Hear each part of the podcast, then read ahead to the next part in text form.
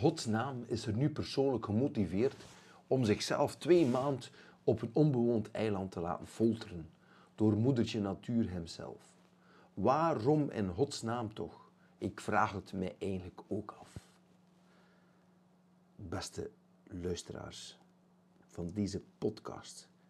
De podcast die gaat over Expeditie Robinson 2006.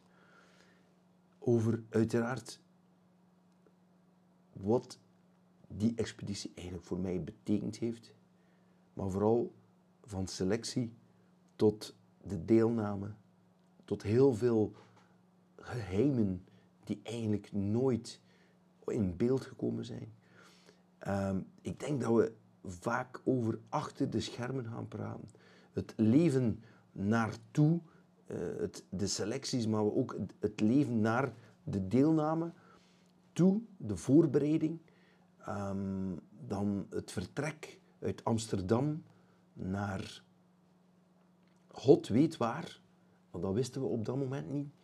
Het zien van de al of niet kandidaten, want uiteindelijk je komt toe in een luchthaven en je vermoedt dat je ergens moet zijn uh, waar je opgevangen wordt onmiddellijk door een soort bodyguard, een, een man die eigenlijk u begeleidt uh, tot de deelname echt start, het programma echt start. Um, ja, het, het, wat, wat heel belangrijk is, of ik ga proberen weer te geven, want dat is natuurlijk heel moeilijk in deze podcast, is het onwetende. Het onwetende tijdens die expeditie. Je weet niet wat de volgende seconde uh, zal zijn, waar je naartoe gaat. Kom je nog terug? Um, hoe laat? Welke dag? zoveel vragen dat je hebt tijdens die expeditie. Van het moment dat je eigenlijk geselecteerd bent tot... Het begint eigenlijk al tijdens de selectie zijn in principe, maar het onwetende, dat is zo heel frustrerend, heel zwaar mentaal om die onwetendheid uh, te doorgronden. Mijn schrijven begon, zoals je ziet, met waarom in godsnaam. Raar maar waar. Ik begrijp soms mezelf niet. Ik wil gewoon altijd meer en meer. Altijd die drang om die grenzen te verleggen.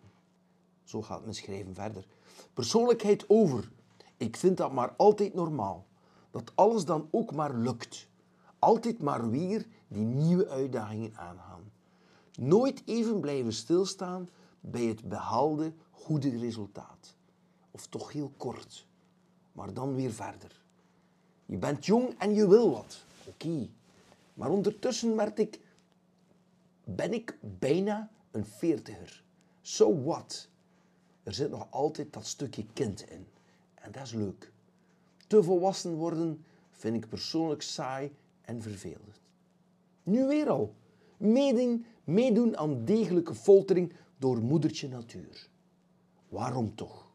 En dat terwijl ik drie prachtige kinderen, een lief goed draaiende slagerij traiteursok heb, niks tekort en werk over. Dat allemaal twee maand in de wind zetten. Voor dergelijke foltering. Ik spreek dus in een tiental zinnen over foltering. En, en dat doet natuurlijk vragen reizen. Expeditie Robinson 2006. De deelname van Koert Velge hemzelf.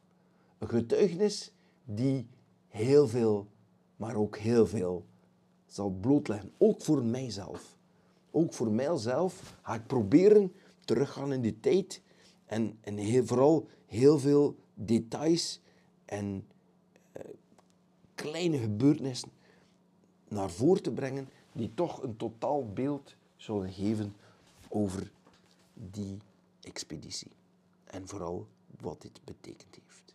Het schrijven gaat natuurlijk wat verder, maar kortom, het is een schrijven die gebeurt naar iemand die aan de andere kant, ik zou bijna zeggen, van de computer zit, wie dat ook mogen zijn. Er moet daar een bepaald persoon aanwezig zijn die die brief opendoet, want dat was eh, destijds uh, nog altijd met een brief, als ik me niet herinner, uh, met de post verstuurd. En daar moet je dan voor u zien, dan zie ik voor mij die, die man, die, of vrouw, ik weet niet, of meisje of, of, jongen, ik weet het begot niet, die die brief openscheurt en die dan ja, die eerste zinnen leest. En ik vermoed, als je weet dat er ongeveer een 10.000 uh, zich kandidaat gesteld hebben op dat moment, dan vermoed ik bij mezelf dat daar heel veel brieven gewoon carrément de vuilbak binnen gaan, nooit open gedaan worden. Ik kan mij niet voorstellen dat er 10.000 brieven open gedaan worden en, en, en echt gelezen wordt van begin tot einde. Ik denk het niet. Maar ja, dat is iets dat, dat, dat ik nooit kan weten natuurlijk. Dat, dat weten we niet. Maar ik ga ervan uit dat ze de mijn wel gelezen hebben. Anders zou ik waarschijnlijk niet een antwoord gekregen hebben. Ik weet nu niet direct meer of dat, dat heel snel kwam, dat antwoord. Maar op dat moment, toen dat schrijven eigenlijk vertrokken was, wist niemand, maar ook niemand, dat ik mij ingeschreven had voor die expeditie. Niemand. Want ik dacht zo bij mezelf, ja, die krijgen toch uh, kandidaten genoeg. Uh, ja, wat als? Wat als ik geselecteerd word? Dat, is, een probleem voor later. Maar ik dacht, uh, dit zal volgens mij toch niet gebeuren. Dat is zo één, ja, één uit de duizend, laat staan 10.000, 16 kandidaten. Die kans is zo klein. Ik heb nog niet, niet echt de moeite gedaan om dat te berekenen, maar ik vermoed dat een heel kleine kans is. Maar ik weet niet of dat, dat heel snel kwam, maar er kwam toch een reactie waaruit bleek dat ik eigenlijk geselecteerd werd in een preselectie om, ja, om meer te weten te komen over mezelf. Ik weet ook weinig details, hoeveel selecties uiteindelijk gebeurd zijn. Ja, weten, ondertussen is dat toch wel ruim 16 jaar geleden. je kunt wel denken, het is wel het een en het ander gebeurd uh, in die 16 jaar. Dat ik niet meer 100% me herinner hoe dat eigenlijk ook niet echt belangrijk is. Wat ik wel weet, dat ik uh, ja, heel wat uh, sportieve testen moeten doen heb, ook psychologische testen heel veel rare vragen moeten antwoorden. Uh, met rare antwoorden ook. Dat je moet keuzes maken, meer keuzes vragen. Dus dat je moet wel zeggen, die mensen weten waar ze mee bezig zijn om, om, om toch aan de hand van die, van die vragen en antwoorden toch een klein beetje een beeld te schetsen. Om maar niet te zeggen dat ze eigenlijk op een bepaald moment meer weten wie dat je bent dan dat je zelf weet, denk ik. Uh, sportieve testen heb ik moeten doen. Uh, ook een keer zwemmen in een zwembad. Herinner ik mij dat uh, dat met camera's op mij, allee, op, op alle kandidaten op dat moment aanwezig. Ik vermoed dat dat een beetje ja, filmmateriaal dat ze nodig hadden om te zien van hoe, hoe komt hij over in het, in het water. Ja, het, uiteindelijk het is een expeditie die op eilanden doorgaat, dus je zal waarschijnlijk wel heel veel in het water doorbrengen. Dus dat was ook wel duidelijk, ook dokterstesten. Um, op het moment dat je die doktertesten, weet ik dat dat toch wel heel ver in die selecties was. Ik, denk, ik vermoed toch dat dat bijna zeker was dat hij dan eh, een van de deelnemende kandidaten was toen hij naar de dokter moest. Hoe dichter dat je ook bij die effectieve selectie komt, weet ik nog, uh, hoe spannender dat wordt. Nu, op een bepaald moment, ik weet ook niet wanneer, heb ik dat moeten vertellen thuis natuurlijk. Van, ja, shit, ik krijg hier een preselectie en ja, ik moet mij op gesprek gaan. En hoe op gesprek, op gesprek, op gesprek. Ja, van, van Expeditie Robinson. Wat? Expeditie Robinson? Hey? No way, Jose? Allee, ja, ik herinner me niet echt meer de reacties, maar die waren niet echt begreepvol in de zin van, allee, wat doe je nu eigenlijk? Oef, dat is wel raar. Nu, uiteindelijk... ben ik geselecteerd geweest, dat weet ik nog. En weet ik dat, ik heb dat echt heel ernstig genomen. Van, van het prille begin, toen die selectie gebeurd was, heb ik ja, toch ongelooflijk, als ik daarop terugkijk, mij georganiseerd. Enorm georganiseerd. Een van de dingen wat ik gedaan heb, is bijvoorbeeld naar notaris geweest. Ja, inderdaad. Ik heb een soort testament opgemaakt. Uh, ik, heb, ik heb echt die expeditie aan, aangenomen om, om heel ernstig om, om, om, eigenlijk, om wat duidelijk te maken van wat als ik niet meer terugkom. Zo, zo erg heb ik dat ingeschat. Ik heb die expeditie eigenlijk redelijk goed ingeschat. Want tijdens die expeditie is duidelijk merkbaar ook dat dat geen feuilletons is dat je oppakt. Dat is echt in de jungle. Dat zijn, dat zijn echte, ja, echt ongedierte. Uh, ik herinner me ook een cobra op een zeer moment. Een echte cobra op een centimeter van mijn hand. Uh, dus, uh, maar dat is voor later. Wat, niet tegenstaande, niet tegenstaande dat ik eigenlijk niet wist waar ik aan begon, heb ik dan wel serieus inschat en redelijk goed inschat. Uh, de notaris was één van mijn actieplan, maar ook bijvoorbeeld naar de sportdokter geweest. Ik kan zijn naam niet meer herinneren, dat was een sportdokter in Waregem. En dat was dan de dokter, de sportdokter, onder andere ook van, van Tom Boon. Dat herinner ik me nog. En die zei ook van heel, heel duidelijk tegen mij, Kurt Jong, die was echt jaloers van mijn selectie, want dat was één van zijn dromen. Dus eh, een, dat mag nu wel geweten zijn, uh, meneer de dokter, maar hij, ver, hij vertelde Kurt Jongen, dat is echt mijn droom. Ik zou dat echt willen meemaken. als ik me niet vergis, weet ik zelfs niet meer of hij hem ooit ook kandidaat gesteld heeft. Maar hij wilde dus, hij wilde ook meemaken. Dat was een van zijn, ik denk van heel veel jongensdroom. Ook meisjesdromen, om, die, om dat avontuur echt mee te maken. Nu, uh, die te zei, ik, ik, kan u, ik kan u echt vol proppen met, met alle vitamine wat je ook maar kunt van droom.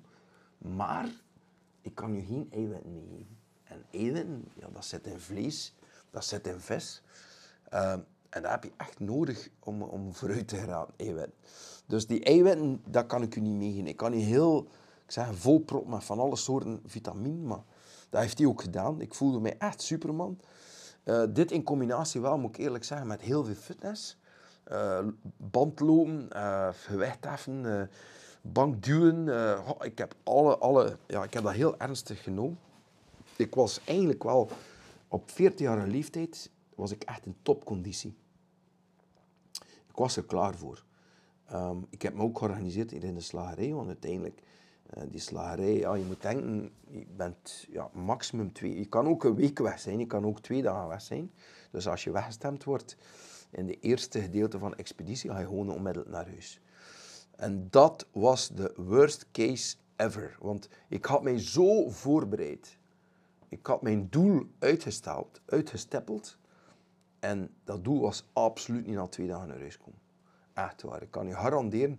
Moest dat gebeurd zijn, dat was dat de dumper, de domper, of hoe noem je dat, op mijn leven, voor de, rest van mijn leven, dat was, dat was afgaan. Echt waar. Echt afgaan. Ik moest gewoon die expeditie ja, zo lang mogelijk uithouden. Dat was, dat was echt de target. Nu, als ik daarop terugdenk van... Ja, je moet weten, uh, 40 jaar, prachtige kinderen, goede zaak, goede huwelijk, alles, alles erop en eraan gezond uh, ja, top shape. Um, wat in godsnaam drijft u nu voor, voor dat te doen? Als ik dat nu verder, hoe verder ik daarvan wegga, hoe meer ik besef dat dat een heel belangrijke beslissing geweest is in mijn leven. Er zijn er zo'n aantal. Ik, heb, ik heb uiteraard de geboorte van mezelf, want ik was een accident. Zoals je remember mijn, mijn eerste podcast, moest je dan nog niet geluisterd hebben, moet je dat zeker doen. Om de echte Kurt eh, te leren kennen. Wie is Kurt? wat zit er achter Kurt? Um, en je moet echt, die eerste podcast, de geboorte op zich was een hele belangrijke gebeurtenis. want ik was een accident en ik wilde er zijn en ik moest er zijn. En hoe verder ik in het leven ga, hoe meer ik besef dat ik er ook moest zijn. Dat ik duidelijk een, een meerwaarde ben voor het wat nu is en wat later zal gebeuren in, in deze wereld. Ik maak er deel van uit. En ik ben een van, een van de vele, pas op, er zijn heel veel mensen met de, de, de, de, de, spirit uh, van ja, de wereld vooruit te duwen, de evolutie te sturen, uh, nieuwe dingen uit te vinden, mensen te ambiëren, te motiveren, aan die karren te duwen. Er zijn heel veel mensen van mijn, van mijn motto, maar ik ben er één van en ik moest er gewoon zijn. En de tweede belangrijke gebeurtenis is op 15-jarige leeftijd, toen ik echt besliste om voor slager te gaan. Dat was, mijn weg was uitgesteppeld, slager zijn, mijn grootvader zaak overnemen, leerdienst, de grootvader zaak overnemen, heel die noek kopen, uh, appartementen opzetten. Allee, dat heb ik dan niet gedaan, want uiteindelijk was dat... De plan zijn gemaakt, maar het fiscaal niet mogelijk. Alleen financieel niet mogelijk, bedoel, niet rendabel. Um, En dan, zeker een belangrijke beslissing in mijn leven, is het huwelijk. Hè. Dus eh, het tweede huwelijk, waar ik een enorme 180 graden bocht genomen heb, met heel veel op glad ijs, heel glad ijs, heb ik genomen. En is fantastische, ja, prachtige kinderen zijn er gekomen. Een vrouw die een hele andere spirit in mijn leven gebracht heeft, die mij aangescherpt heeft, die mij beter gemaakt heeft, meer doelgericht. Ehm, en dan uiteraard, ja, kinderen uiteraard, kinderen, absoluut, absoluut. Drie kinderen zijn er, die mogen er zijn en dan ben ik heel trots en fier op dat ik ze heb, dat we ze hebben en dat ze zijn zoals ze vandaag zijn. Ehm, dat is heel belangrijk in mijn leven. Maar dan op 14 jaar leeftijd die keuze van alles een keer weg te cijferen. Nee, dat was echt de bedoeling van hoe, hoe kan ik mij hier nu doen? Ik wil weg, weg uit waar ik nu zit. Ehm, hoe kan ik dat doen? En die expeditie was perfect. Ik had de contracten getekend van hier tot in Tokio. Met andere woorden, zij deden met mij wat ze wilden. Mocht uh, iemand doodvallen in een familie, dan pas gingen ze mij verwettigen. Maar alles wat minder dan doodvallen is, ging het nooit te weten komen. Dus er was absoluut geen mogelijkheid om contact te hebben. Mijn vrouw heeft daar benen gebroken of zo tijdens dat ik weg was. Die zat te benen van de pijn en van de, van de miserie en, en de spoed, want die draaide voor alles hier alleen op in die zaak. Uiteraard samen met fantastisch personeel. Uh, hele, hele goede mensen, krachten die mij vervangen hebben, die er een beste beentje voor gezet hebben, uh, die, die, die, die, mijn zaak eigenlijk staande gehouden hebben, maar ook uiteraard mijn vrouw aan, aan, aan de stuurmanier van spreken. Die zat te ween van trieste in, in de spoed en die, wilde, die belde naar de contactnummer dat ze hadden van de organisatie. En die zei, meneer en mevrouw, sorry, ja, je hebt een contract en ik ga niks zeggen aan Kurt en ik kan ook niks zeggen. Mijn vrouw wilde weten, ja maar, is hij nog in het programma of zit hij, zit hij in, een, in een resort? Kan, komt hij naar huis of, of zit? En nee, die, die hebben dat niet gezegd, dus dat was heel hard. Want we mogen niet vergeten, die expeditie doen is één ding, maar de thuisblevers, dat is een ander verhaal. Dat is een expeditie apart, die weten ook van niks. Hè. Dus die staan er alleen voor, die, die weten zelfs niet wat je zit. Dus ik, ik wist dat ik in Panama zat op een bepaald moment, maar die weten dat dus niet. Die weten niet waar ik zit. Dus kun je je voorstellen, iemand die twee maanden verdwijnt in het niets. Dat, is, uh, dat is zo. Hij is er, maar hij is er niet. Je kunt hem niet bellen, je kunt hem niet brengen. Niks. Hij is weg. Waar zit hij? waar is hij? Kurt was spoorloos. Ik was weg. Hè. Dus wist ook niet wanneer gaat hij terugkomen. Maximum twee maanden. Maar die, die twee maanden, dat, dat, is, dat is 20 jaar. Hè. Dat, is, dat is 24 op 7. Dat, dat, thuisblijvers eigenlijk geconfronteerd worden met het onwetende. En dat is zo frustrerend. Nu, toen ik wist dat ik geselecteerd ben, heb ik ook een belangrijke beslissing genomen. En dat is contact genomen met een zekere Marnix. Want tijdens de preselecties um, was Ernst Pol zaliger, want die mens is ondertussen jammer genoeg gestorven. Een fantastische kerel die perfect geknipt was voor de presentatie van zo'n uniek programma. Als je ziet wie dat er aan nu presenteert, met alle respect, maar niemand, niemand is in staat om Ernst Pol te vervangen. Dat was een krak in zijn vak. Dat was een beer van een vent. Dat was ja, een, een, een, een, een, ja, een, een beer van een vent. Ja. Beter kan ik het niet, niet zeggen. En die had een, een charisma, een, een, een zekere charisma die, die keek naar u en die had zo'n eh, ja, een blik. Maar eigenlijk kon je hem niks kwalijk nemen. Want ja, je had jezelf kandidaat gesteld. Je wist, je wist waar je aan begon. Dus hij tekent contract. Hij heeft duidelijk het contract toen we in Panama aankwam. Ehm, maar ik ga dat later vertellen. Ik ga dat later vertellen. Nu, Ernst Paul zei, je een winnaar, bent een winnaar, bent een winnaar. Wilt niet zijn. Wel, beste mensen, voor het eerst in mijn leven heb ik duidelijk gemaakt aan de omgevende mensen, onder andere Ernst Paul, dat winnen, of de winnaar zijn en willen winnen, niet altijd de eerste is. Dus het is niet omdat je een winnaar bent en dat je iets wilt doen en ik wil winnen, dat winnen niet altijd de eerste zijn is. Wat bedoel ik daarmee? Dat je in ieder target, ieder opdracht, ieder doel dat je hebt in je leven, uiteraard het doel moet omschrijven. Wat is uw doel? Als ik de 100 meter loop en zeg mijn doel is dat lopen in, ik kan me wat zeggen, ik ken er niks van, maar in, in 30 seconden, dan is dat doel die 30 seconden en niet de eerste zijn. Ziet? Als je dan de tienste bent, maar je loopt in 29 seconden, ja, dan, is je doel, dan heb je doel bereikt. En die 30 seconden, dat, dat is iets die haalbaar moet zijn. Dat je zegt, kijk, ik loop nu bijvoorbeeld 31, maar ik wil 30. Dat is een haalbare doel dat je hebt. Maar het is inderdaad een, scherp, een scherp doel. Je moet beter doen. Je moet winnen. Maar ten opzichte van dat doel en niet de eerste zijn.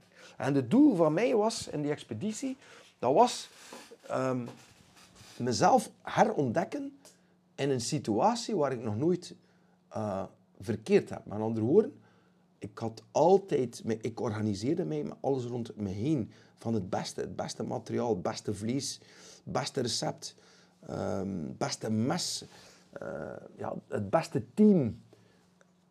Kortom, beste scenario ook. Ik, wil, ik koos het beste scenario.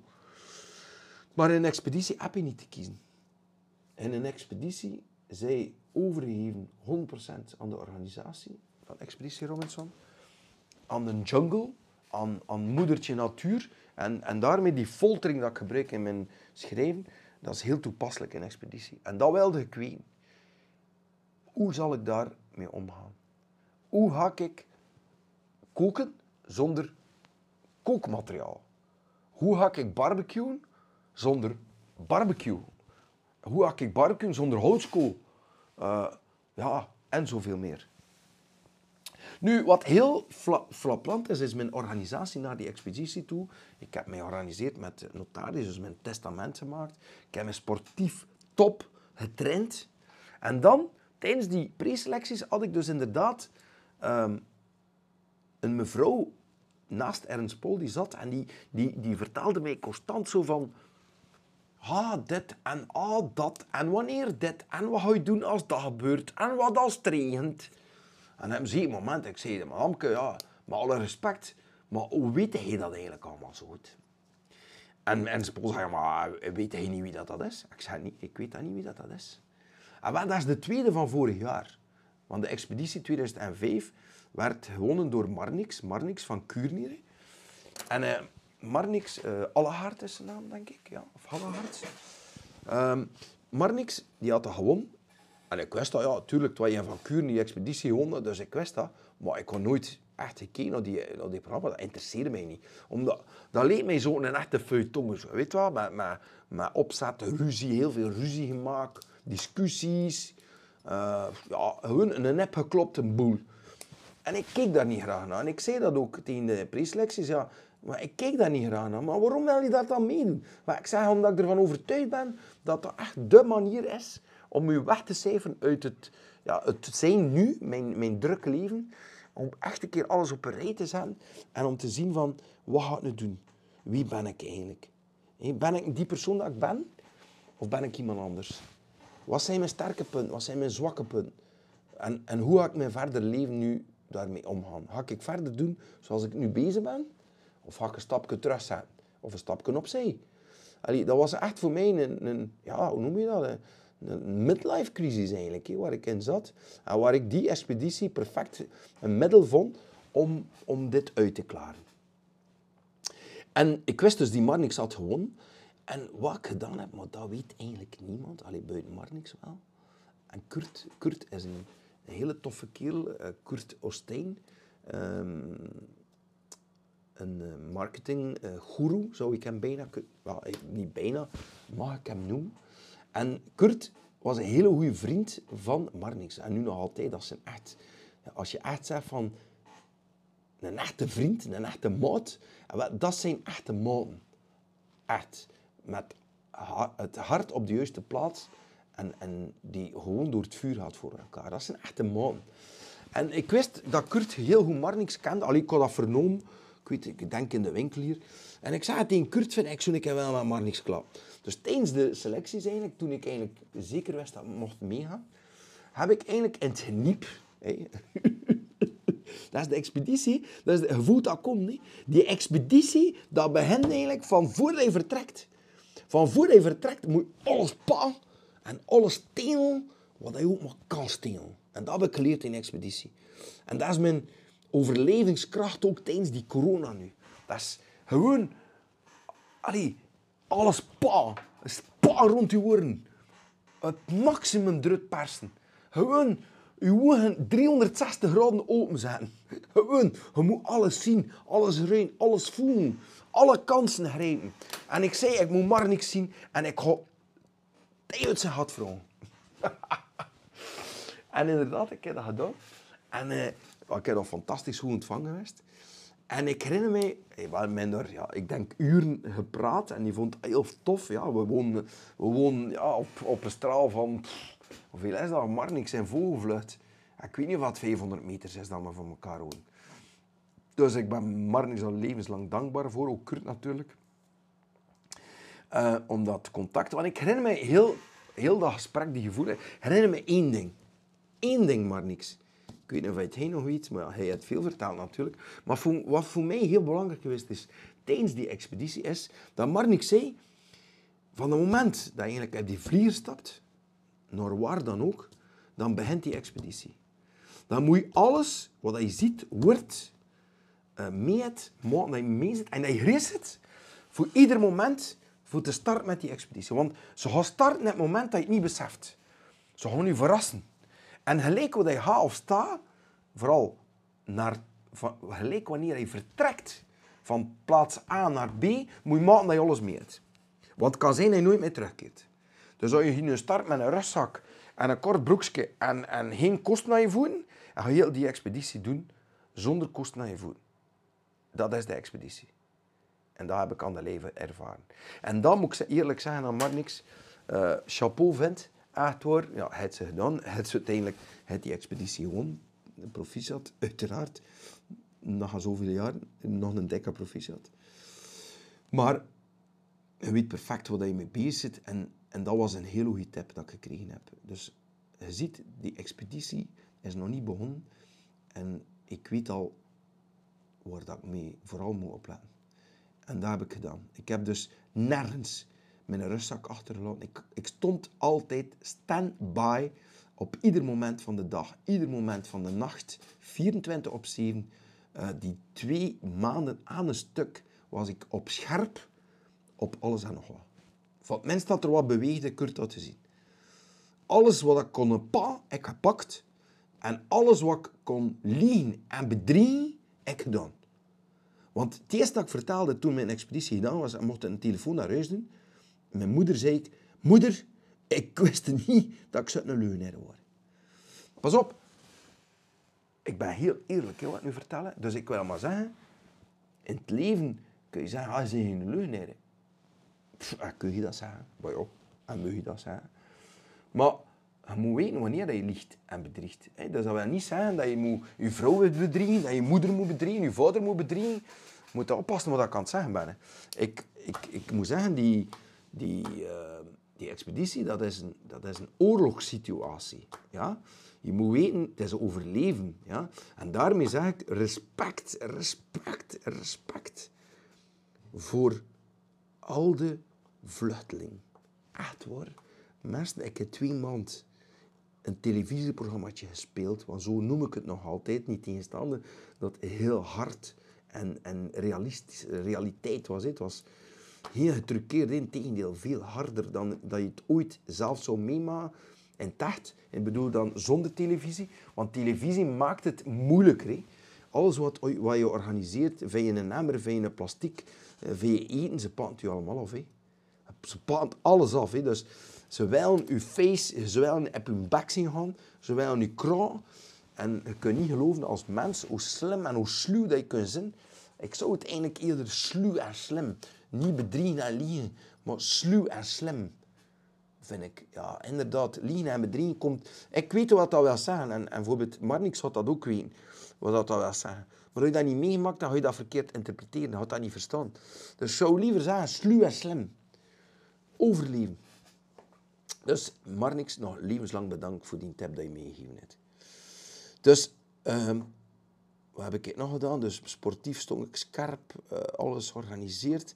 En dan heb ik naar uh, de expeditie vertrokken, eigenlijk naar Amsterdam, naar de luchthaven. Eh, met mijn vrouw, ik weet niet meer van mijn kinderen mee worden. Erg van mij, ik weet dat niet meer.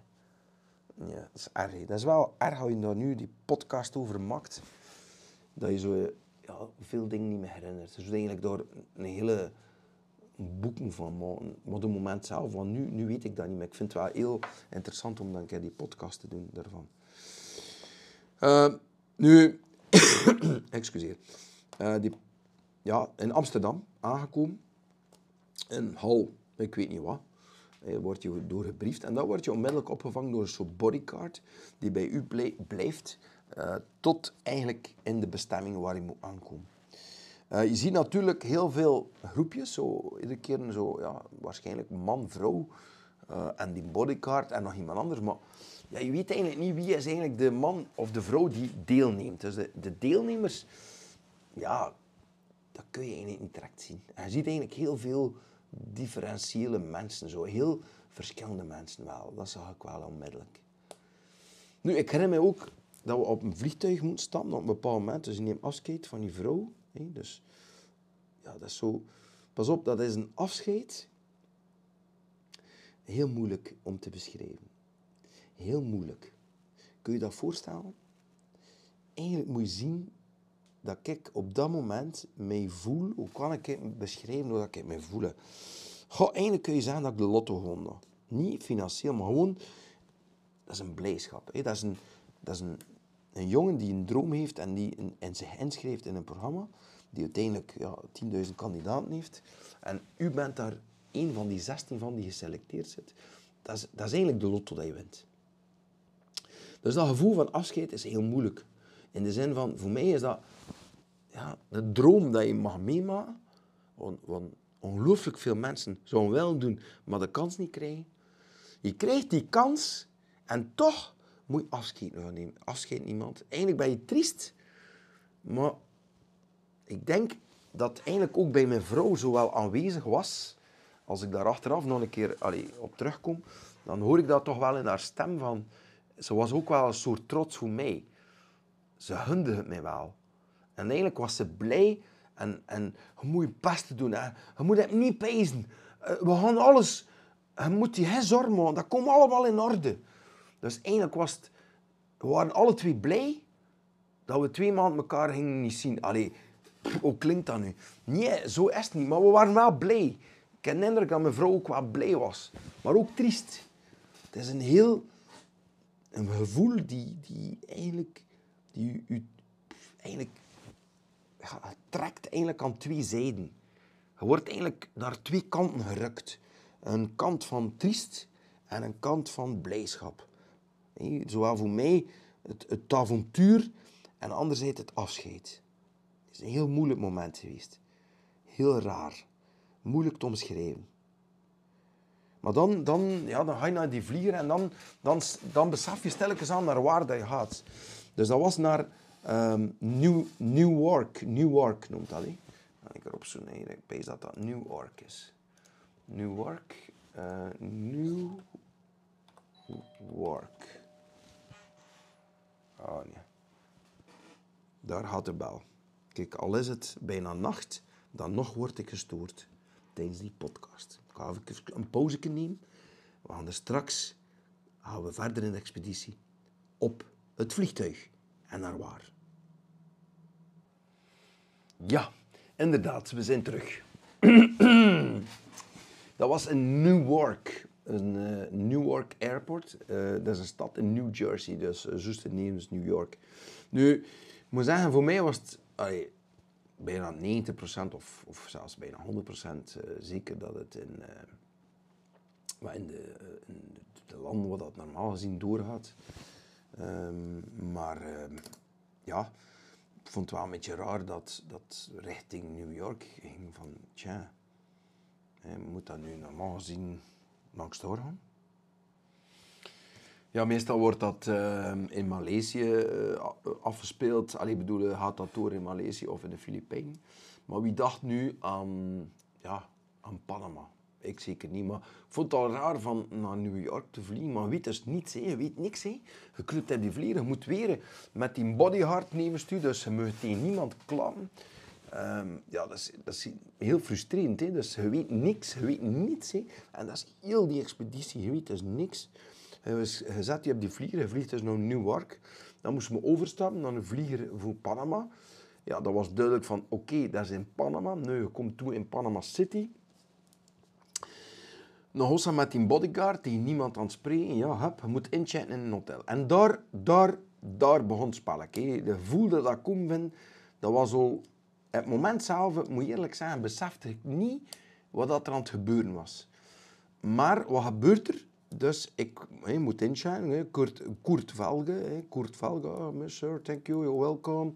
I give your room keys, bla bla bla. En ik vlieg dus uit mijn kamer. Goh, ik weet niet meer waar ik verdiep. Dat we eigenlijk moesten zijn. Ik denk dat dat ongeveer, goh, wat we? Het vierde of, of het vijfde of het zesde verdiep hou. Uh, ik moet er vanaf dat vijfde of zesde verdiep dat we normaal moesten zitten. Maar ik vloog heel van boven. Op het twintigste verdiep. En iedereen moest naar het vijfde en het zesde. Maar dat was raar. Ik zei, waarom moet ik het twintigste? Nu ja, ik sta ik met mijn vrouw. Ik ga naar mijn kamer. Dus ja, holé, holé, holé, een suitekamertje. Hallo, heb de kosten van het programma. En waarom niet? Maar zegt over heel Panama, ik zweer het u. Panama City, wow, here I come. Ready for the adventure. Uh, high in the sky. Ken je het spelletje? Kurt, high in the sky. Uh, moet zeggen, ja, dat was heel kort. Waarom een keer? Ik kwam nog niet heel met zijn kamer aan het pa, Want ik wist, ja, maar niks zo mee gezegd. Maar dat je gereisd hebt, heb ieder moment van dag. Voor mij was de expeditie al begonnen. Dus ik zat al in mijn shirtje en mijn t-shirtje, met een band in mijn haar, met een rustzak gereed. Uh, want ik weet niet of je het weet, uh, die rustzak, dat had toch wel een historie van Expeditie Robinson 2006, in het bijzonder met Kurt Vellen. Kan er misschien een vraag staan daarover? Ik ga het later het antwoord daarop geven. Wat is er nu zo speciaal aan een expeditie geweest? Vooral als we het over barbecuen hebben. Wat, welke gevolgen heeft Expeditie Robinson in de media dan, in het bijzonder, op internet? Uh, wat is er zo speciaal over Kurt Valen en Expeditie Robinson met barbecue? Maar ik ga daar later een antwoord op geven. Maar ondertussen kun je ook even. Dus uh, ik stond een pak en zak aan het gerezen. Waarom ik boom, boom, boom, boom, boom, boom, uit mijn deuren. Zei, yo, room service? Nee, nee, zegt hij, nee, nee. No, no, sir, uh, you have, have, this is not your room. That's, that's, that's, that's, a, you, you must go to another room. Dan kon ik al die vliegen opgetrokken, ik had al een pintje uitgepakt, de scale van Dusvent. Ik zei, ja, godverdomme. Ik zei tegen die kerel, jongen, ik zei, I have taken a beer. Jongen, no problem, sir, we will fix it. You have to change from room. It's not your room. Ik zei, godverdomme, zei ik, zei, het begint hier al goed, zei. Ik ga het spelletje nog niet beginnen en dat je weer al messen met, met mij. En waarom moesten we weer messen met mij? Maar achterna is dat uitgekomen. Achterna is dat uitgekomen waarom dat ik eerst naar een andere kamer moest. Want aangekomen op mijn kamer, op het verdiep, dus waar alle mannen zaten, toeval of niet, want die die bij mij in mijn kamer zat, was ook op een andere kamer eerst gevlogen. Dus dat was raar. Nu, moet je eerlijk zijn, het moment zelf om me dat niet te duren. Maar dat niet te hoe dat, dat kwam, kun je het helder pezen. Waarom zou dat nu eigenlijk zijn? Dat toevallig kamer, de kamer van ik, en die gast die bij ik uh, sliep, hoe dat weer? Oh, shit, shit, shit, shit, wie was dat nou weer? Oh, nu kan dat niet, ik ga het je laten vertellen. Uh, hoe komt dat nu dat die kamer, zo gezegd van ons twee, uh, er niet, allee, niet greep was, of dat dat eigenlijk wilder was. Als ik uh, dingen om die um, Werner, Werner, want ben even, zit hier aan mijn computer, ik moet dat even weer refreshen, ja.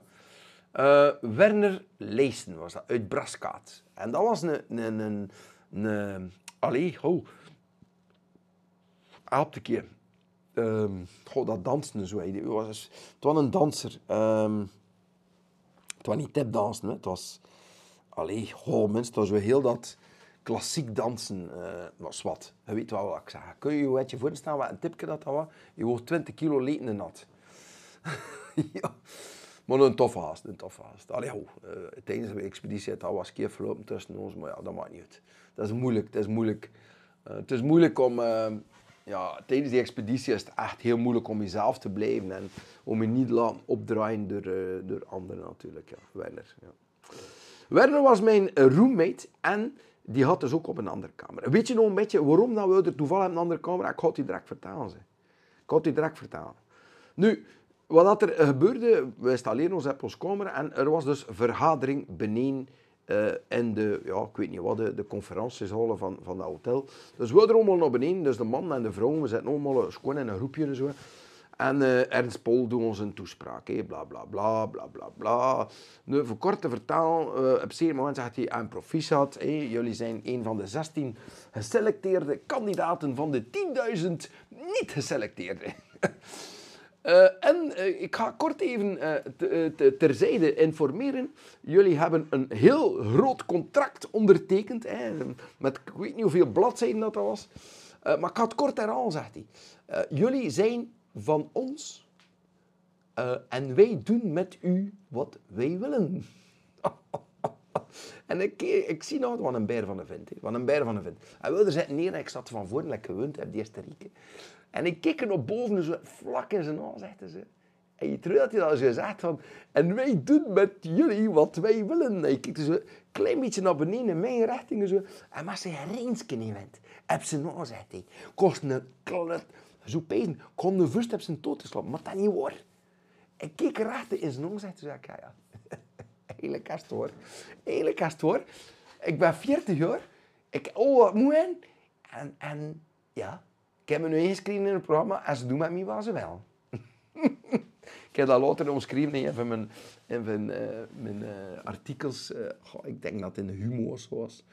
Dat ik uh, schreef van, ik heb mij letterlijk mijn kop in de muil van een leeuw gestoken. En je weet, ik heb een leeuw in te zien voor u. En die, die muil gaat open en hij stiekt die kop erin. Maar met links en rechts hand, ootjes en tanden vast. Dat is niet kan toeslaan. En het moment dat je niet kon doen, trekt je kop eruit. En dat was eigenlijk de deelname aan Expeditie Robinson bij mij. Dat was eigenlijk echt met mijn leven de zotten.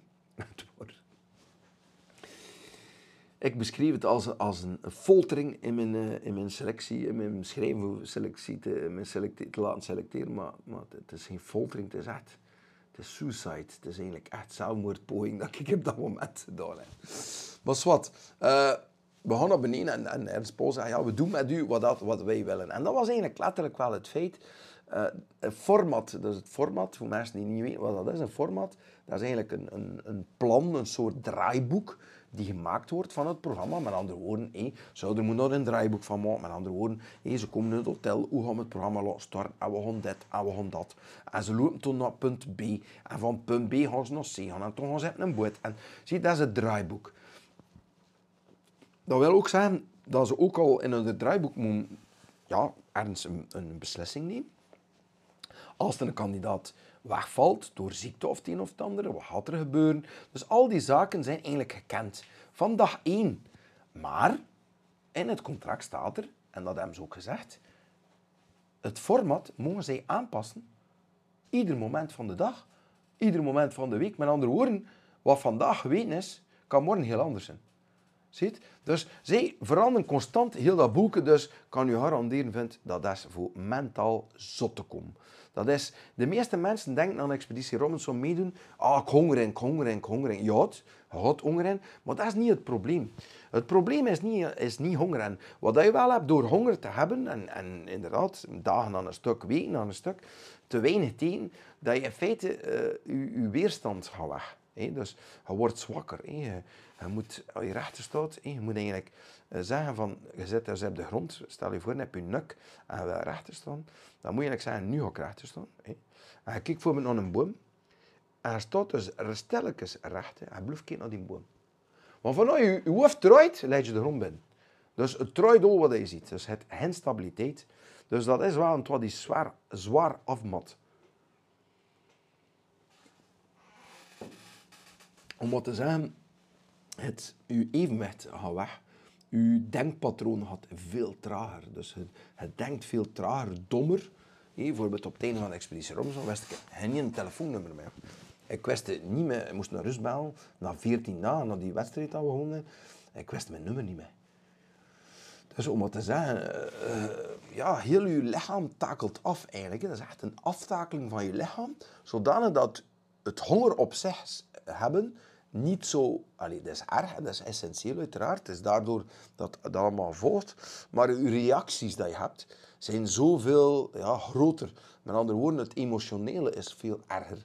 Je bent veel sneller triest en heel triest. Ik, triest, ik heb het triestest geweest waarschijnlijk in mijn leven, hoop ik. Uh, maar ik ben ook het blijst geweest in heel mijn leven. Dus de emoties zijn enorm.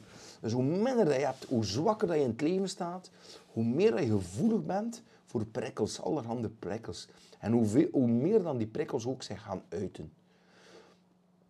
En dat is hetgeen dat die expeditie eh, zo hard maakt. Omdat ze door televisie dit daarop zet, je moet weten, heb je een idee hoeveel mensen dat daaraan deelnemen. Uh, sorry, excuseer. Uh, hoeveel mensen daaraan werken. Dus er waren 16 kandidaten. Een idee hoeveel mensen dan er daaraan werken, aan dat programma. Nee? 100? 200? 300? Nee, ik je met je aan. 750 mensen. 750 mensen werken daaraan, fulltime, aan dat programma. Zowel opnames als transport, als, als coördinaties, als dokters. Als, ja, je kunt zo hard niet bedenken wat er daar allemaal komt bij kijken bij uh, zo'n expeditie. Dus 750 man, pas op, dat is niet alleen, dat was van ons België-Nederland, dat is absoluut niet uh, België-Nederland. Maar dat is ook, uh, ik zeg maar iets, Zuid-Afrika tegen Noord-Afrika, Zuid-Amerika tegen Noord-Amerika en Finland tegen Schotland en al, ik zeg maar iets. Er zijn zoveel verschillende landen die daar zich in inschrijven en die uiteraard ook diezelfde periode ongeveer die expeditie deden. En van ons was dat geloof ik uh, 48 dagen en dat was de langste expeditie, want bijvoorbeeld, het was een expeditie van Noorwegen ook. Dat zijn we gasten dat we toch later tegengekomen hebben in de in de resort, waar we eigenlijk weer tot onszelf moesten komen na die expeditie. Um, Noorden en die hadden een expeditie van 24 dagen. Er was zelfs één eiland waar ze op geweest zijn, waar wij ook op geweest zijn. En dan zijn eigenlijk echt, uh, ja, zijn, zijn, er, zijn er allemaal opgegeven. Dus zijn gewoon, zijn, we, we willen hier niet bluffen.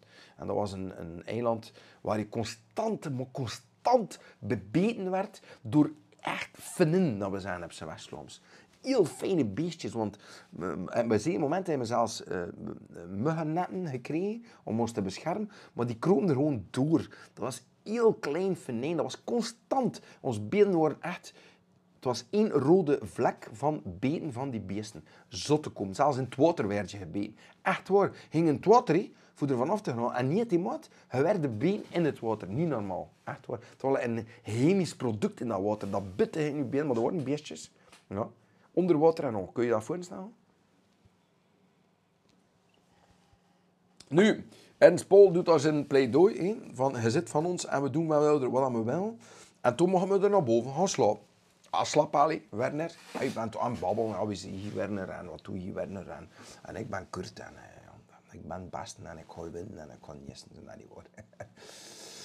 nee, nee, maar het was al duidelijk dat we, ja, dat Kurt de, de ja, de, de, de, man was die gekend was als, als de organisator, als de, de, initiatiefnemer, als, als ja, de drive die, die in Kurt die was, die was geweten. Dat was duidelijk. En die Werner was zo'n tipje. Ja, en, alleen zeg, kan ik dan niet komen dat dat noemt, die danseuzekes. Ah, hoe noemt dat nu weer? Hè? Ik kan dat nu echt niet noemen. En, dat, en die meisjes zijn zo een breed roksje. Hè. Ze stonden zo vrij met de beentjes omhoog, met de armpjes omhoog. Ballet. Het was een balletdanser. Ja, want ik denk zelfs dat hij een, dans, een danszaak had. Maar het was eigenlijk van origine een balletdanser. Kun je je voorstellen? Werner, de balletdanser, in, in de kamer met Kurt en Benoor. ik klap van twee uitersten. Nu, dat was al heel duidelijk waarom ik er rond de zes snuis wat een telefoon had. Natuurlijk, wie pakt een telefoon op? Al de telefoon in de kamer. Wie pakt een telefoon op? Kurt of Werner de balletdanser? Kurt natuurlijk. Hallo? Ja. En dat was uh, Ernst Pol, die belde. Hij zei onmiddellijk, geef ik aan Werner. Oh, oké, ja. Ik geef Werner. En waarom moest hij aan Werner in? En wat ik zei het u, zuster. Werner is een balletdanser. Dus Werner kreeg te horen aan de telefoon, lustte toe wat dat nu gaat zeggen. De expeditie begint nu. Wie laatst beneden is in het hotel, die mag vertrekken naar huis. Kun je dat voorstellen? Kun je dat voorstellen dat je in je sloop wakker gebeld zit?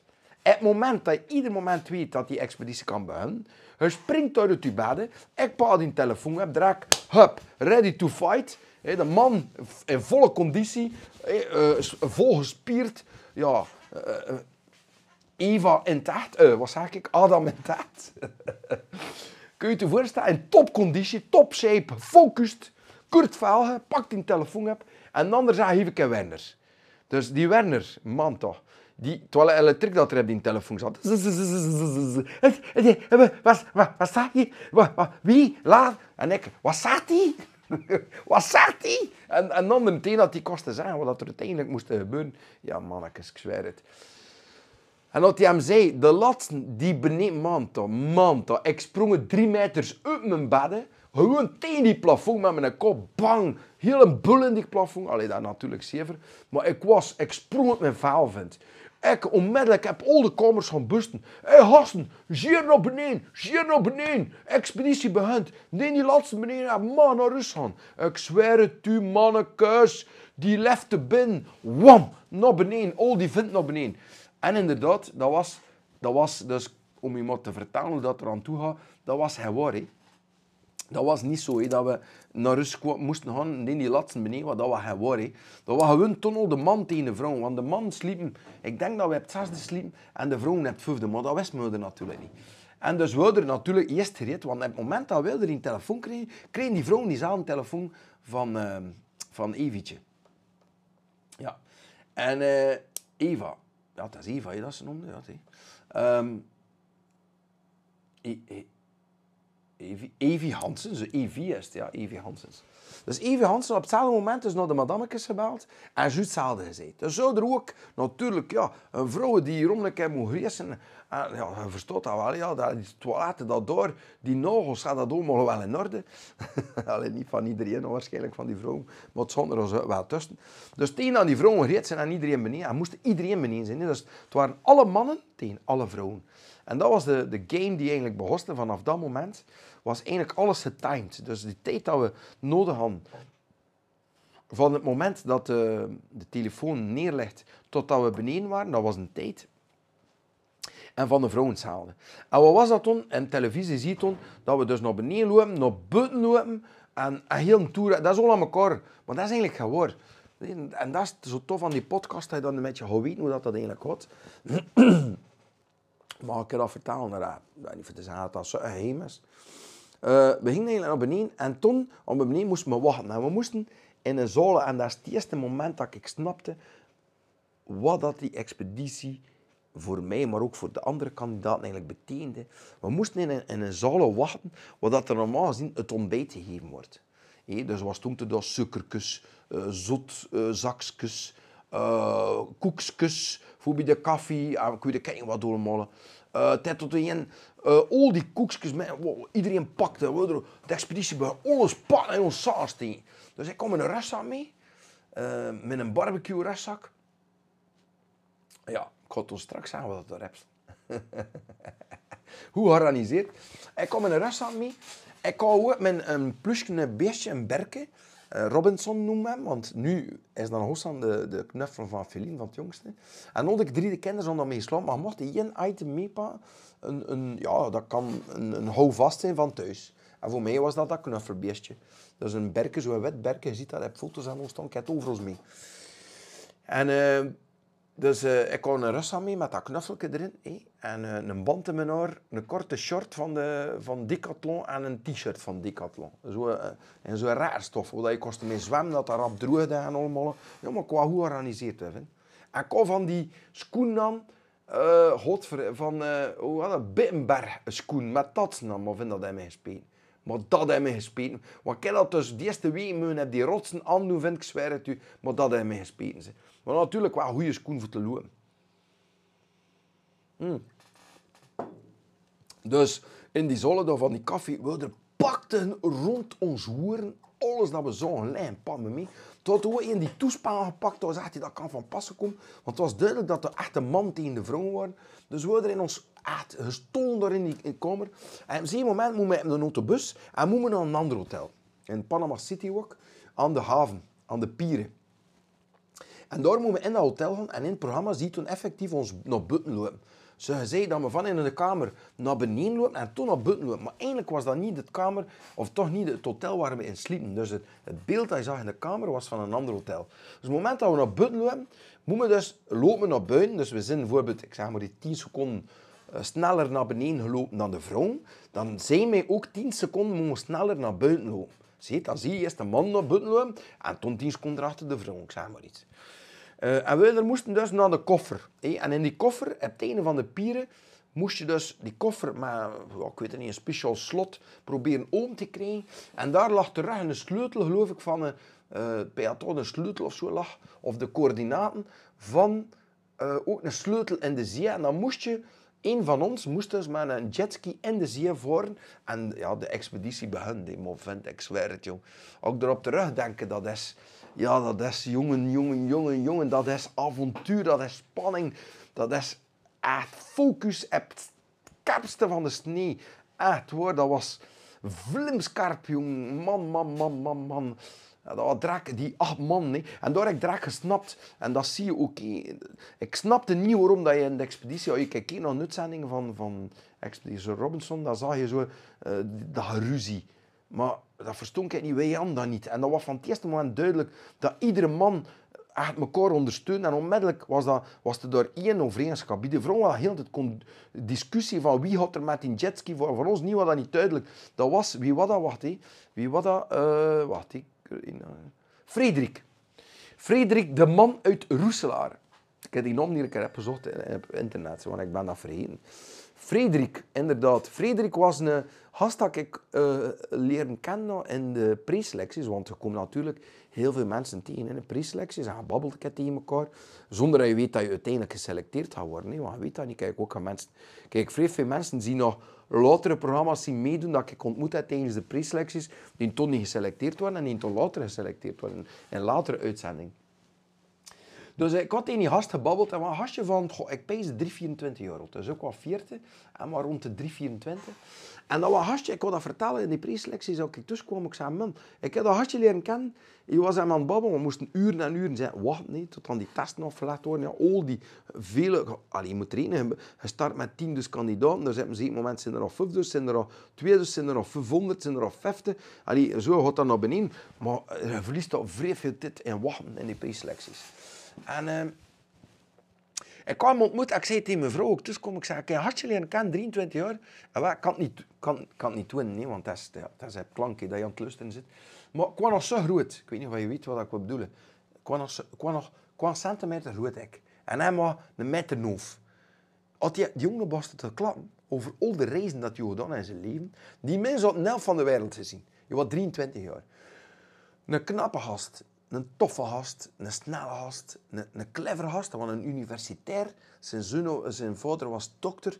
En je zag dat die, die, die had zoveel zelfvertrouwen en, en motivatie in het leven. Echt, je zou er je leven aangeven. Zo'n krak van een gast. Echt hoor. En dat was dus een dien. Draak die jetski, hè, met vuile sleus. Ik zei aan dien aan moet Ik zei tegen die gast, en ik zien in de preselecties. Hier, Frederik, go man. Go with the flow.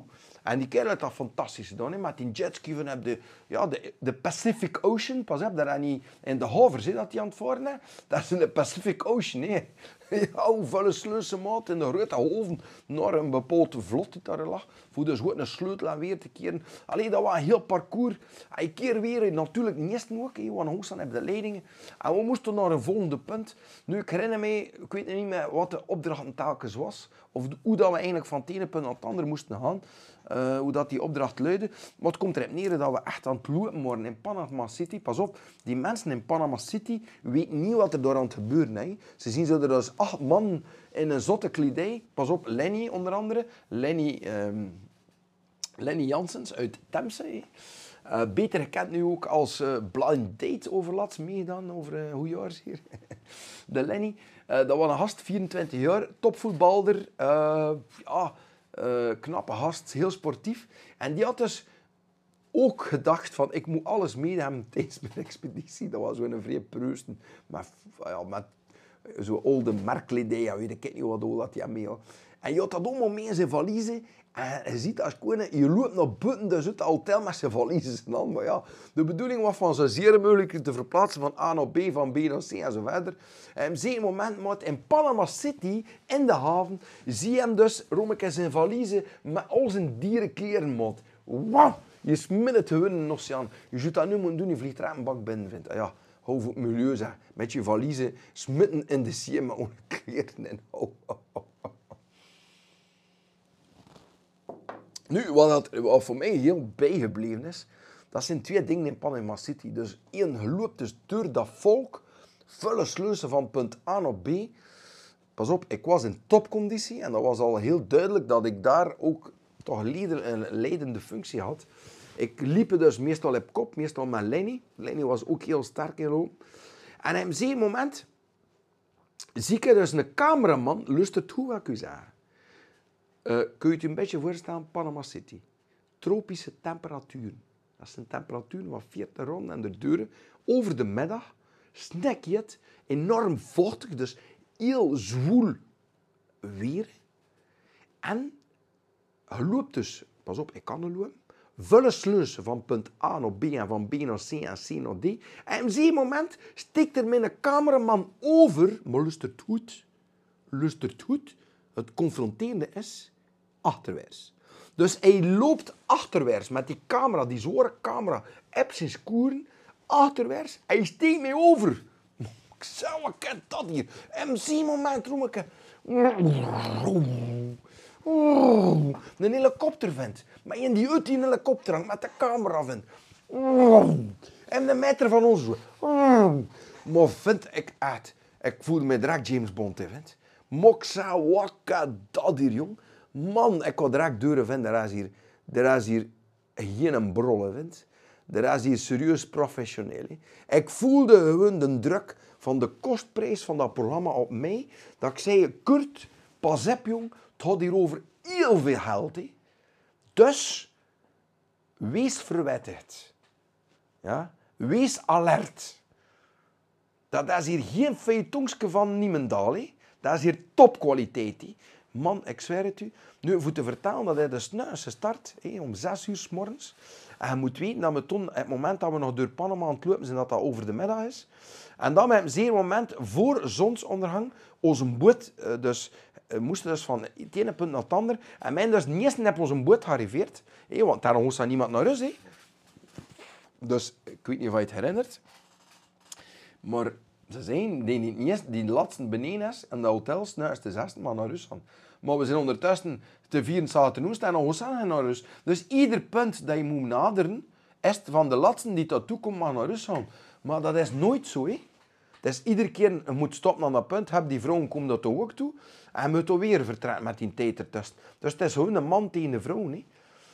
En zeer keer komen dus op een andere pieren en daar ligt een speedboot gereed. Ik moet zeggen, die speedboot, ik kan, ik kan een klimmetje van boten. Ik kan een klimmetje van boten. Van mijn, mijn 8 9 jaar mag ik ben ik in de bootwereld verzeild geraakt door mijn ouders. Dus ik kan een klein beetje van boot. Dat was een speedboot, een meter of tien lang, ja. Uh, maar juist de zeteltjes heb zit in. Dus het lag dan hen met bedden en heel een bazaar. Een kuppen met zeteltjes in. En olachtend stond er daar, lustert goed wat ik nu wil zeggen, voor iemand die een beetje van boten kent, 3 maal 350 pk. Pas op, we zitten in 2006. We zijn nu 2021. Nu, een boot met drie keer 350 erop. We gaan er ook naar omgekeken, maar er niet voor te zeggen dat het nu wereldwonder is. Maar in 2006, een speedboot van 10 meter lang, met zuster was zeteltjes in, met andere woorden, je weegt twee keer niets. Drie keer 350 pk buitenboord. Ik kan je garanderen, maat de rachat even, hè, maat, met zijn boot. We hebben die boot van een vulle sleus. Natuurlijk, voor het beeldmateriaal is dat toch wel mooier dat de vrouwen ook in een boot komen en dichten bij ons voor en al. Dat is strijd. Want, het, want eigenlijk, wat is de wedstrijd? Is aan de hand van een kaart dat we krijgen, moeten we zien aan een aantal tips dat we krijgen, om ons eiland te vinden. Beste mensen, de Parel-eilanden, waar we zich op dat moment naartoe beheven, uh, dat bij mijn weten zijn dat er ongeveer een 1500. Ja. Ik heb dan een keer gezocht op internet ondertussen, uh, maar dat blijkt er uh, minder te zijn. Parel-eilanden, maar dat raak ik erin, die jongens. Parel-eilanden, voilà. De eilandengroep in Panama. Ja, maar dat raak ik er omgeslagen bij Wikipedia. Uh, zijn een eilandgroep van 90 benoemde eilanden en 120 onbenoemde e kleine eilandjes die behoren tot Panama. De eilanden liggen in de stille, aan de stille oceaanzijde van Panama en de Golf van Panama. Ja, goed. Uh, dus we moeten weten, we spreken hier over 210 eilanden, verdeeld over de oceaan. Hè. Um, en een van die eilanden, dat is ons eiland. Dus wij moeten aan de hand van die tips dat we krijgen ook die kaart gaan lezen en eigenlijk bepalen aan die driver van die boot, want dat is ook een van de organisaties die met die boot voort, aan hem zeggen waar dat hij moet voort.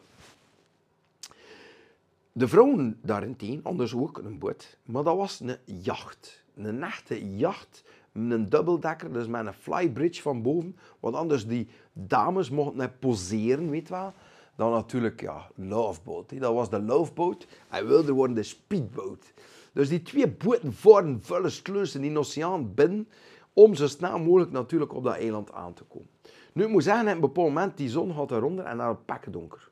Dus het moment dat we aankomen op ons eiland, dan is dat donker. Ook u zeggen, ik u gezegd, 120 onbenoemde kleine eilandjes, ja, dus die ook niet bewoond zijn. Dus je hebt eilanden met een naam, maar je hebt er ook zonder naam. Maar, ik heb dat ook hier gelezen maar ik wist dat niet van bun. Uh, ik denk dat er...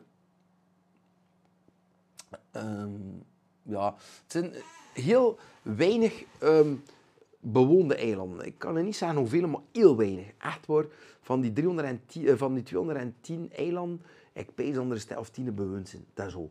Al de rest is een onbewoonde eiland. Dus onbewoond wil zeggen, voor een keer met je voor te staan, dat er geen elektriek. Brand door geen luchtnep. dat er geen stroomt water. Dat er ook geen huizen. Verstaat? Dus dat er niet.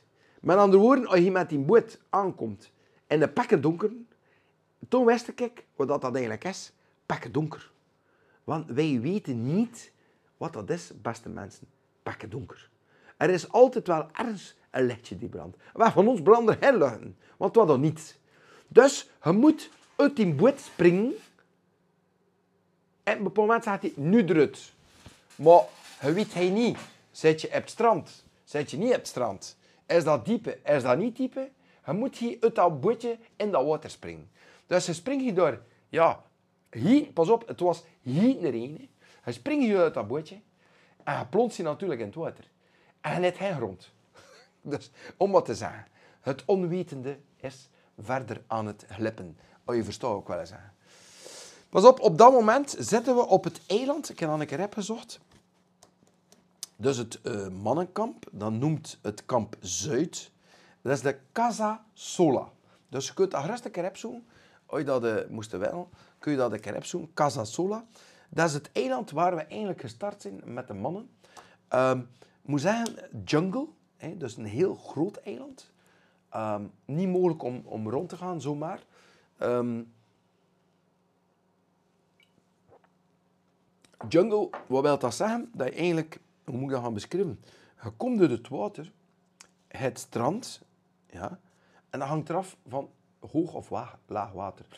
Want het verschil tussen hoog en laag water daar is 7 meter, dat weet je nog.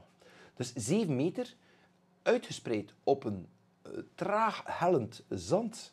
Dat is ongeveer, ja, dat dat het laag water is, dat dat een strand is van 100 meters. En dat hoog water is dan een strand van 1 meter. Dus met andere woorden, wij komen, het was hoog water, wij komen uit dat water en mijn een meter, een meter strand. En toen zit me direct in jungle. Weet je wat dat is, een jungle? Dat is gewoon een strucje die voor u staat, zo of dat je kunt kijken, gewoon toe dat door hen hangske gemaakt voor deur te lopen. Dat door hen uit hammetje, waar dan mensen in vertoefd zijn. Nee, het is onbewoond. Er zijn daar geen mensen. Dus dat is zo raar. En ik moet zeggen, ja, het is wel heel stil, want je zit back off. Het wel oh, de eerste dag niet gegeten. Maar vast na zes uur tot s en niet gegeten.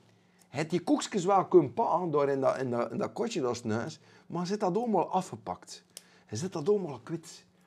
Uh, zijn dat allemaal afgepakt tussen een van de tussenfasen, tasten ze gewoon af en desnoods zetten ze heel in hun bloten en moet je alles afdoen wat je aan hebt en trekken ze alles af wat je eigenlijk niet mag gaan. Verstaat? Want het programma start met wat je aan hebt en de bedoeling is dat je ook in dat programma zo blijft. Dus dat je niet verandert. Dus als je ding pakt, pakken ze dat weer af. Voilà, om wat te zeggen. Nu, de eerste nacht vind ik wel heel doeltreffend en ik zou daar ook mijn eerste deel van de podcast Expeditie Robinson willen mee afsluiten. Want het is ondertussen zijn we al ruim een uur bezig. Spannend, hè? Uh, die eerste expeditie, maar dat zijn natuurlijk dingen die je niet ziet op televisie. En het is dat die zo tof is. Het is daarmee dat ik meegedaan heb met die expeditie. Dus het regent dat. Moet ik goed voorstellen in mijn, in mijn plekken.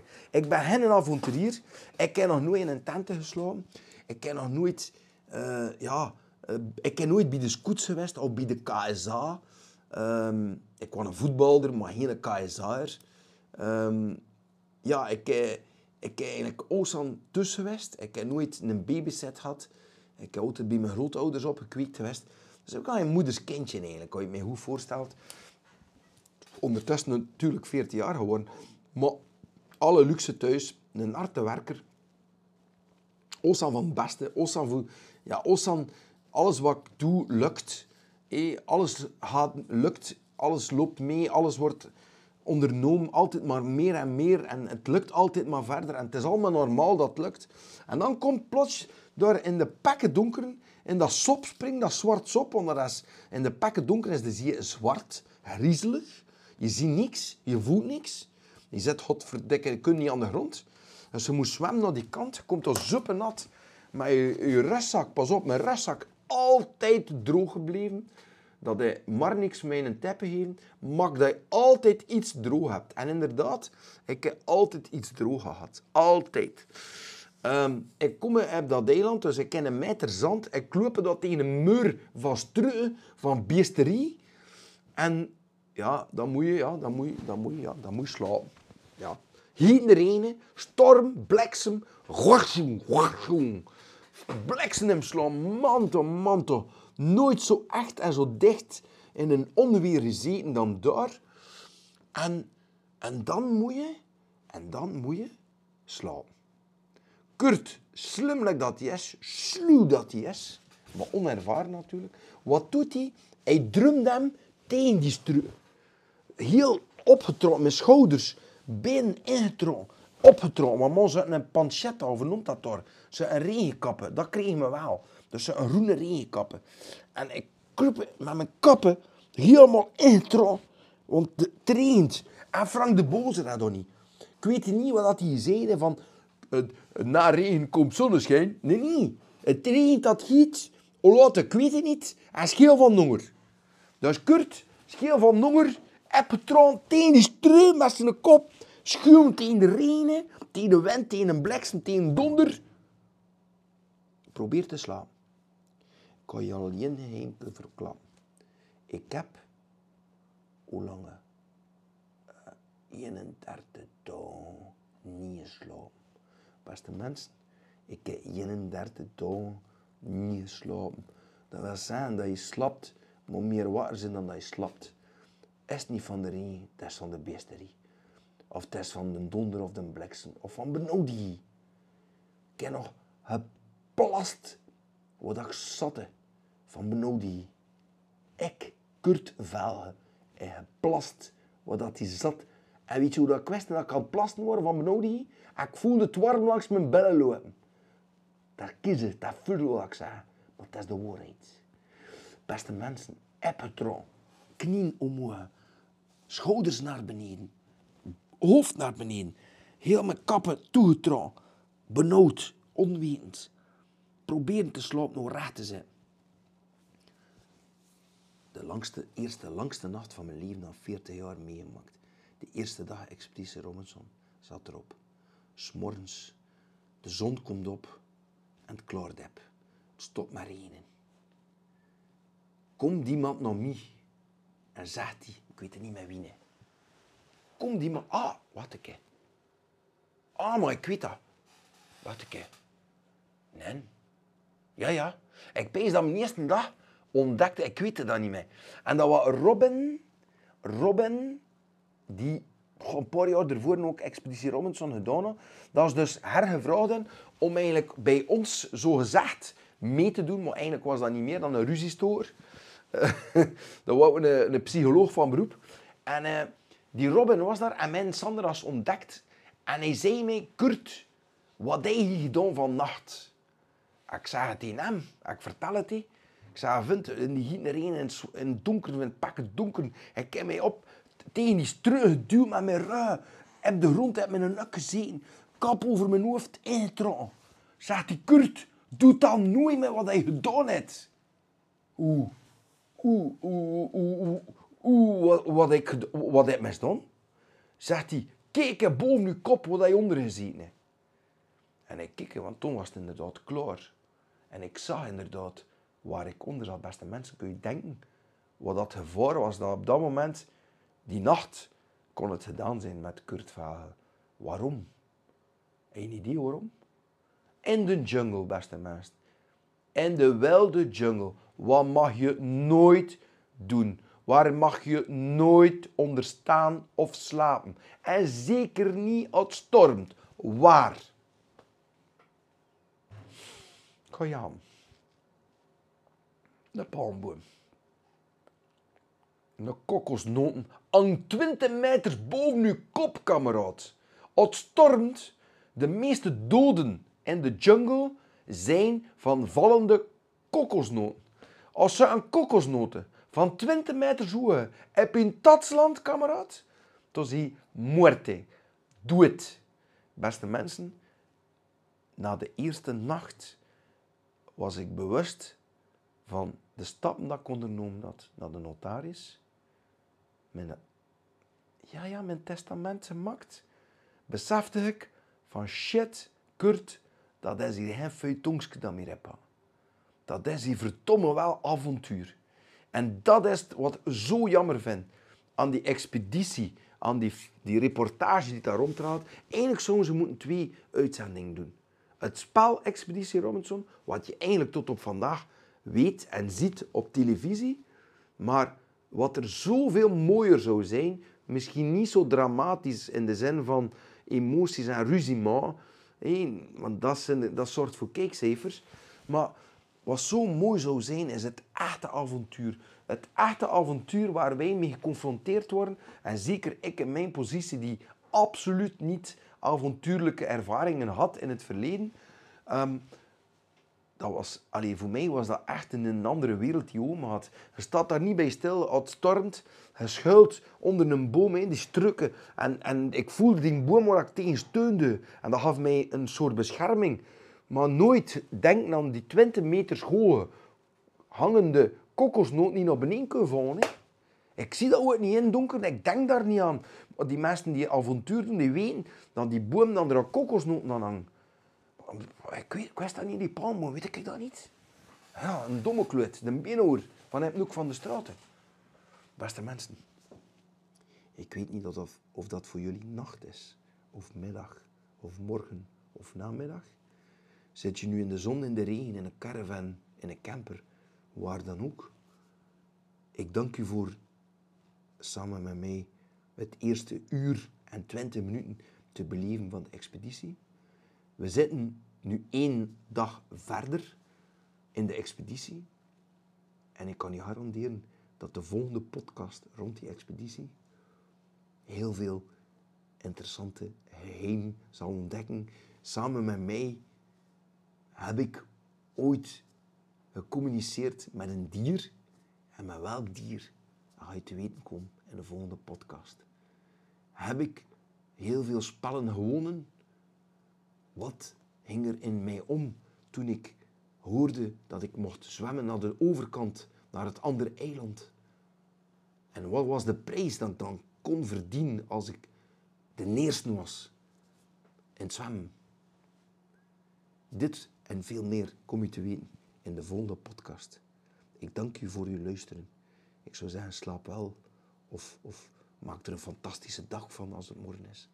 Of, of slaap nog een beetje over de middag. Pak nog een beetje een rustpauze. Of, of begin te werken. En niet, maak er iets moois van. Je weet mensen, ik zie je graag. Tot de volgende podcast. Deel 3. Expeditie Robinson. Dag 2 tot zover dat we gaan.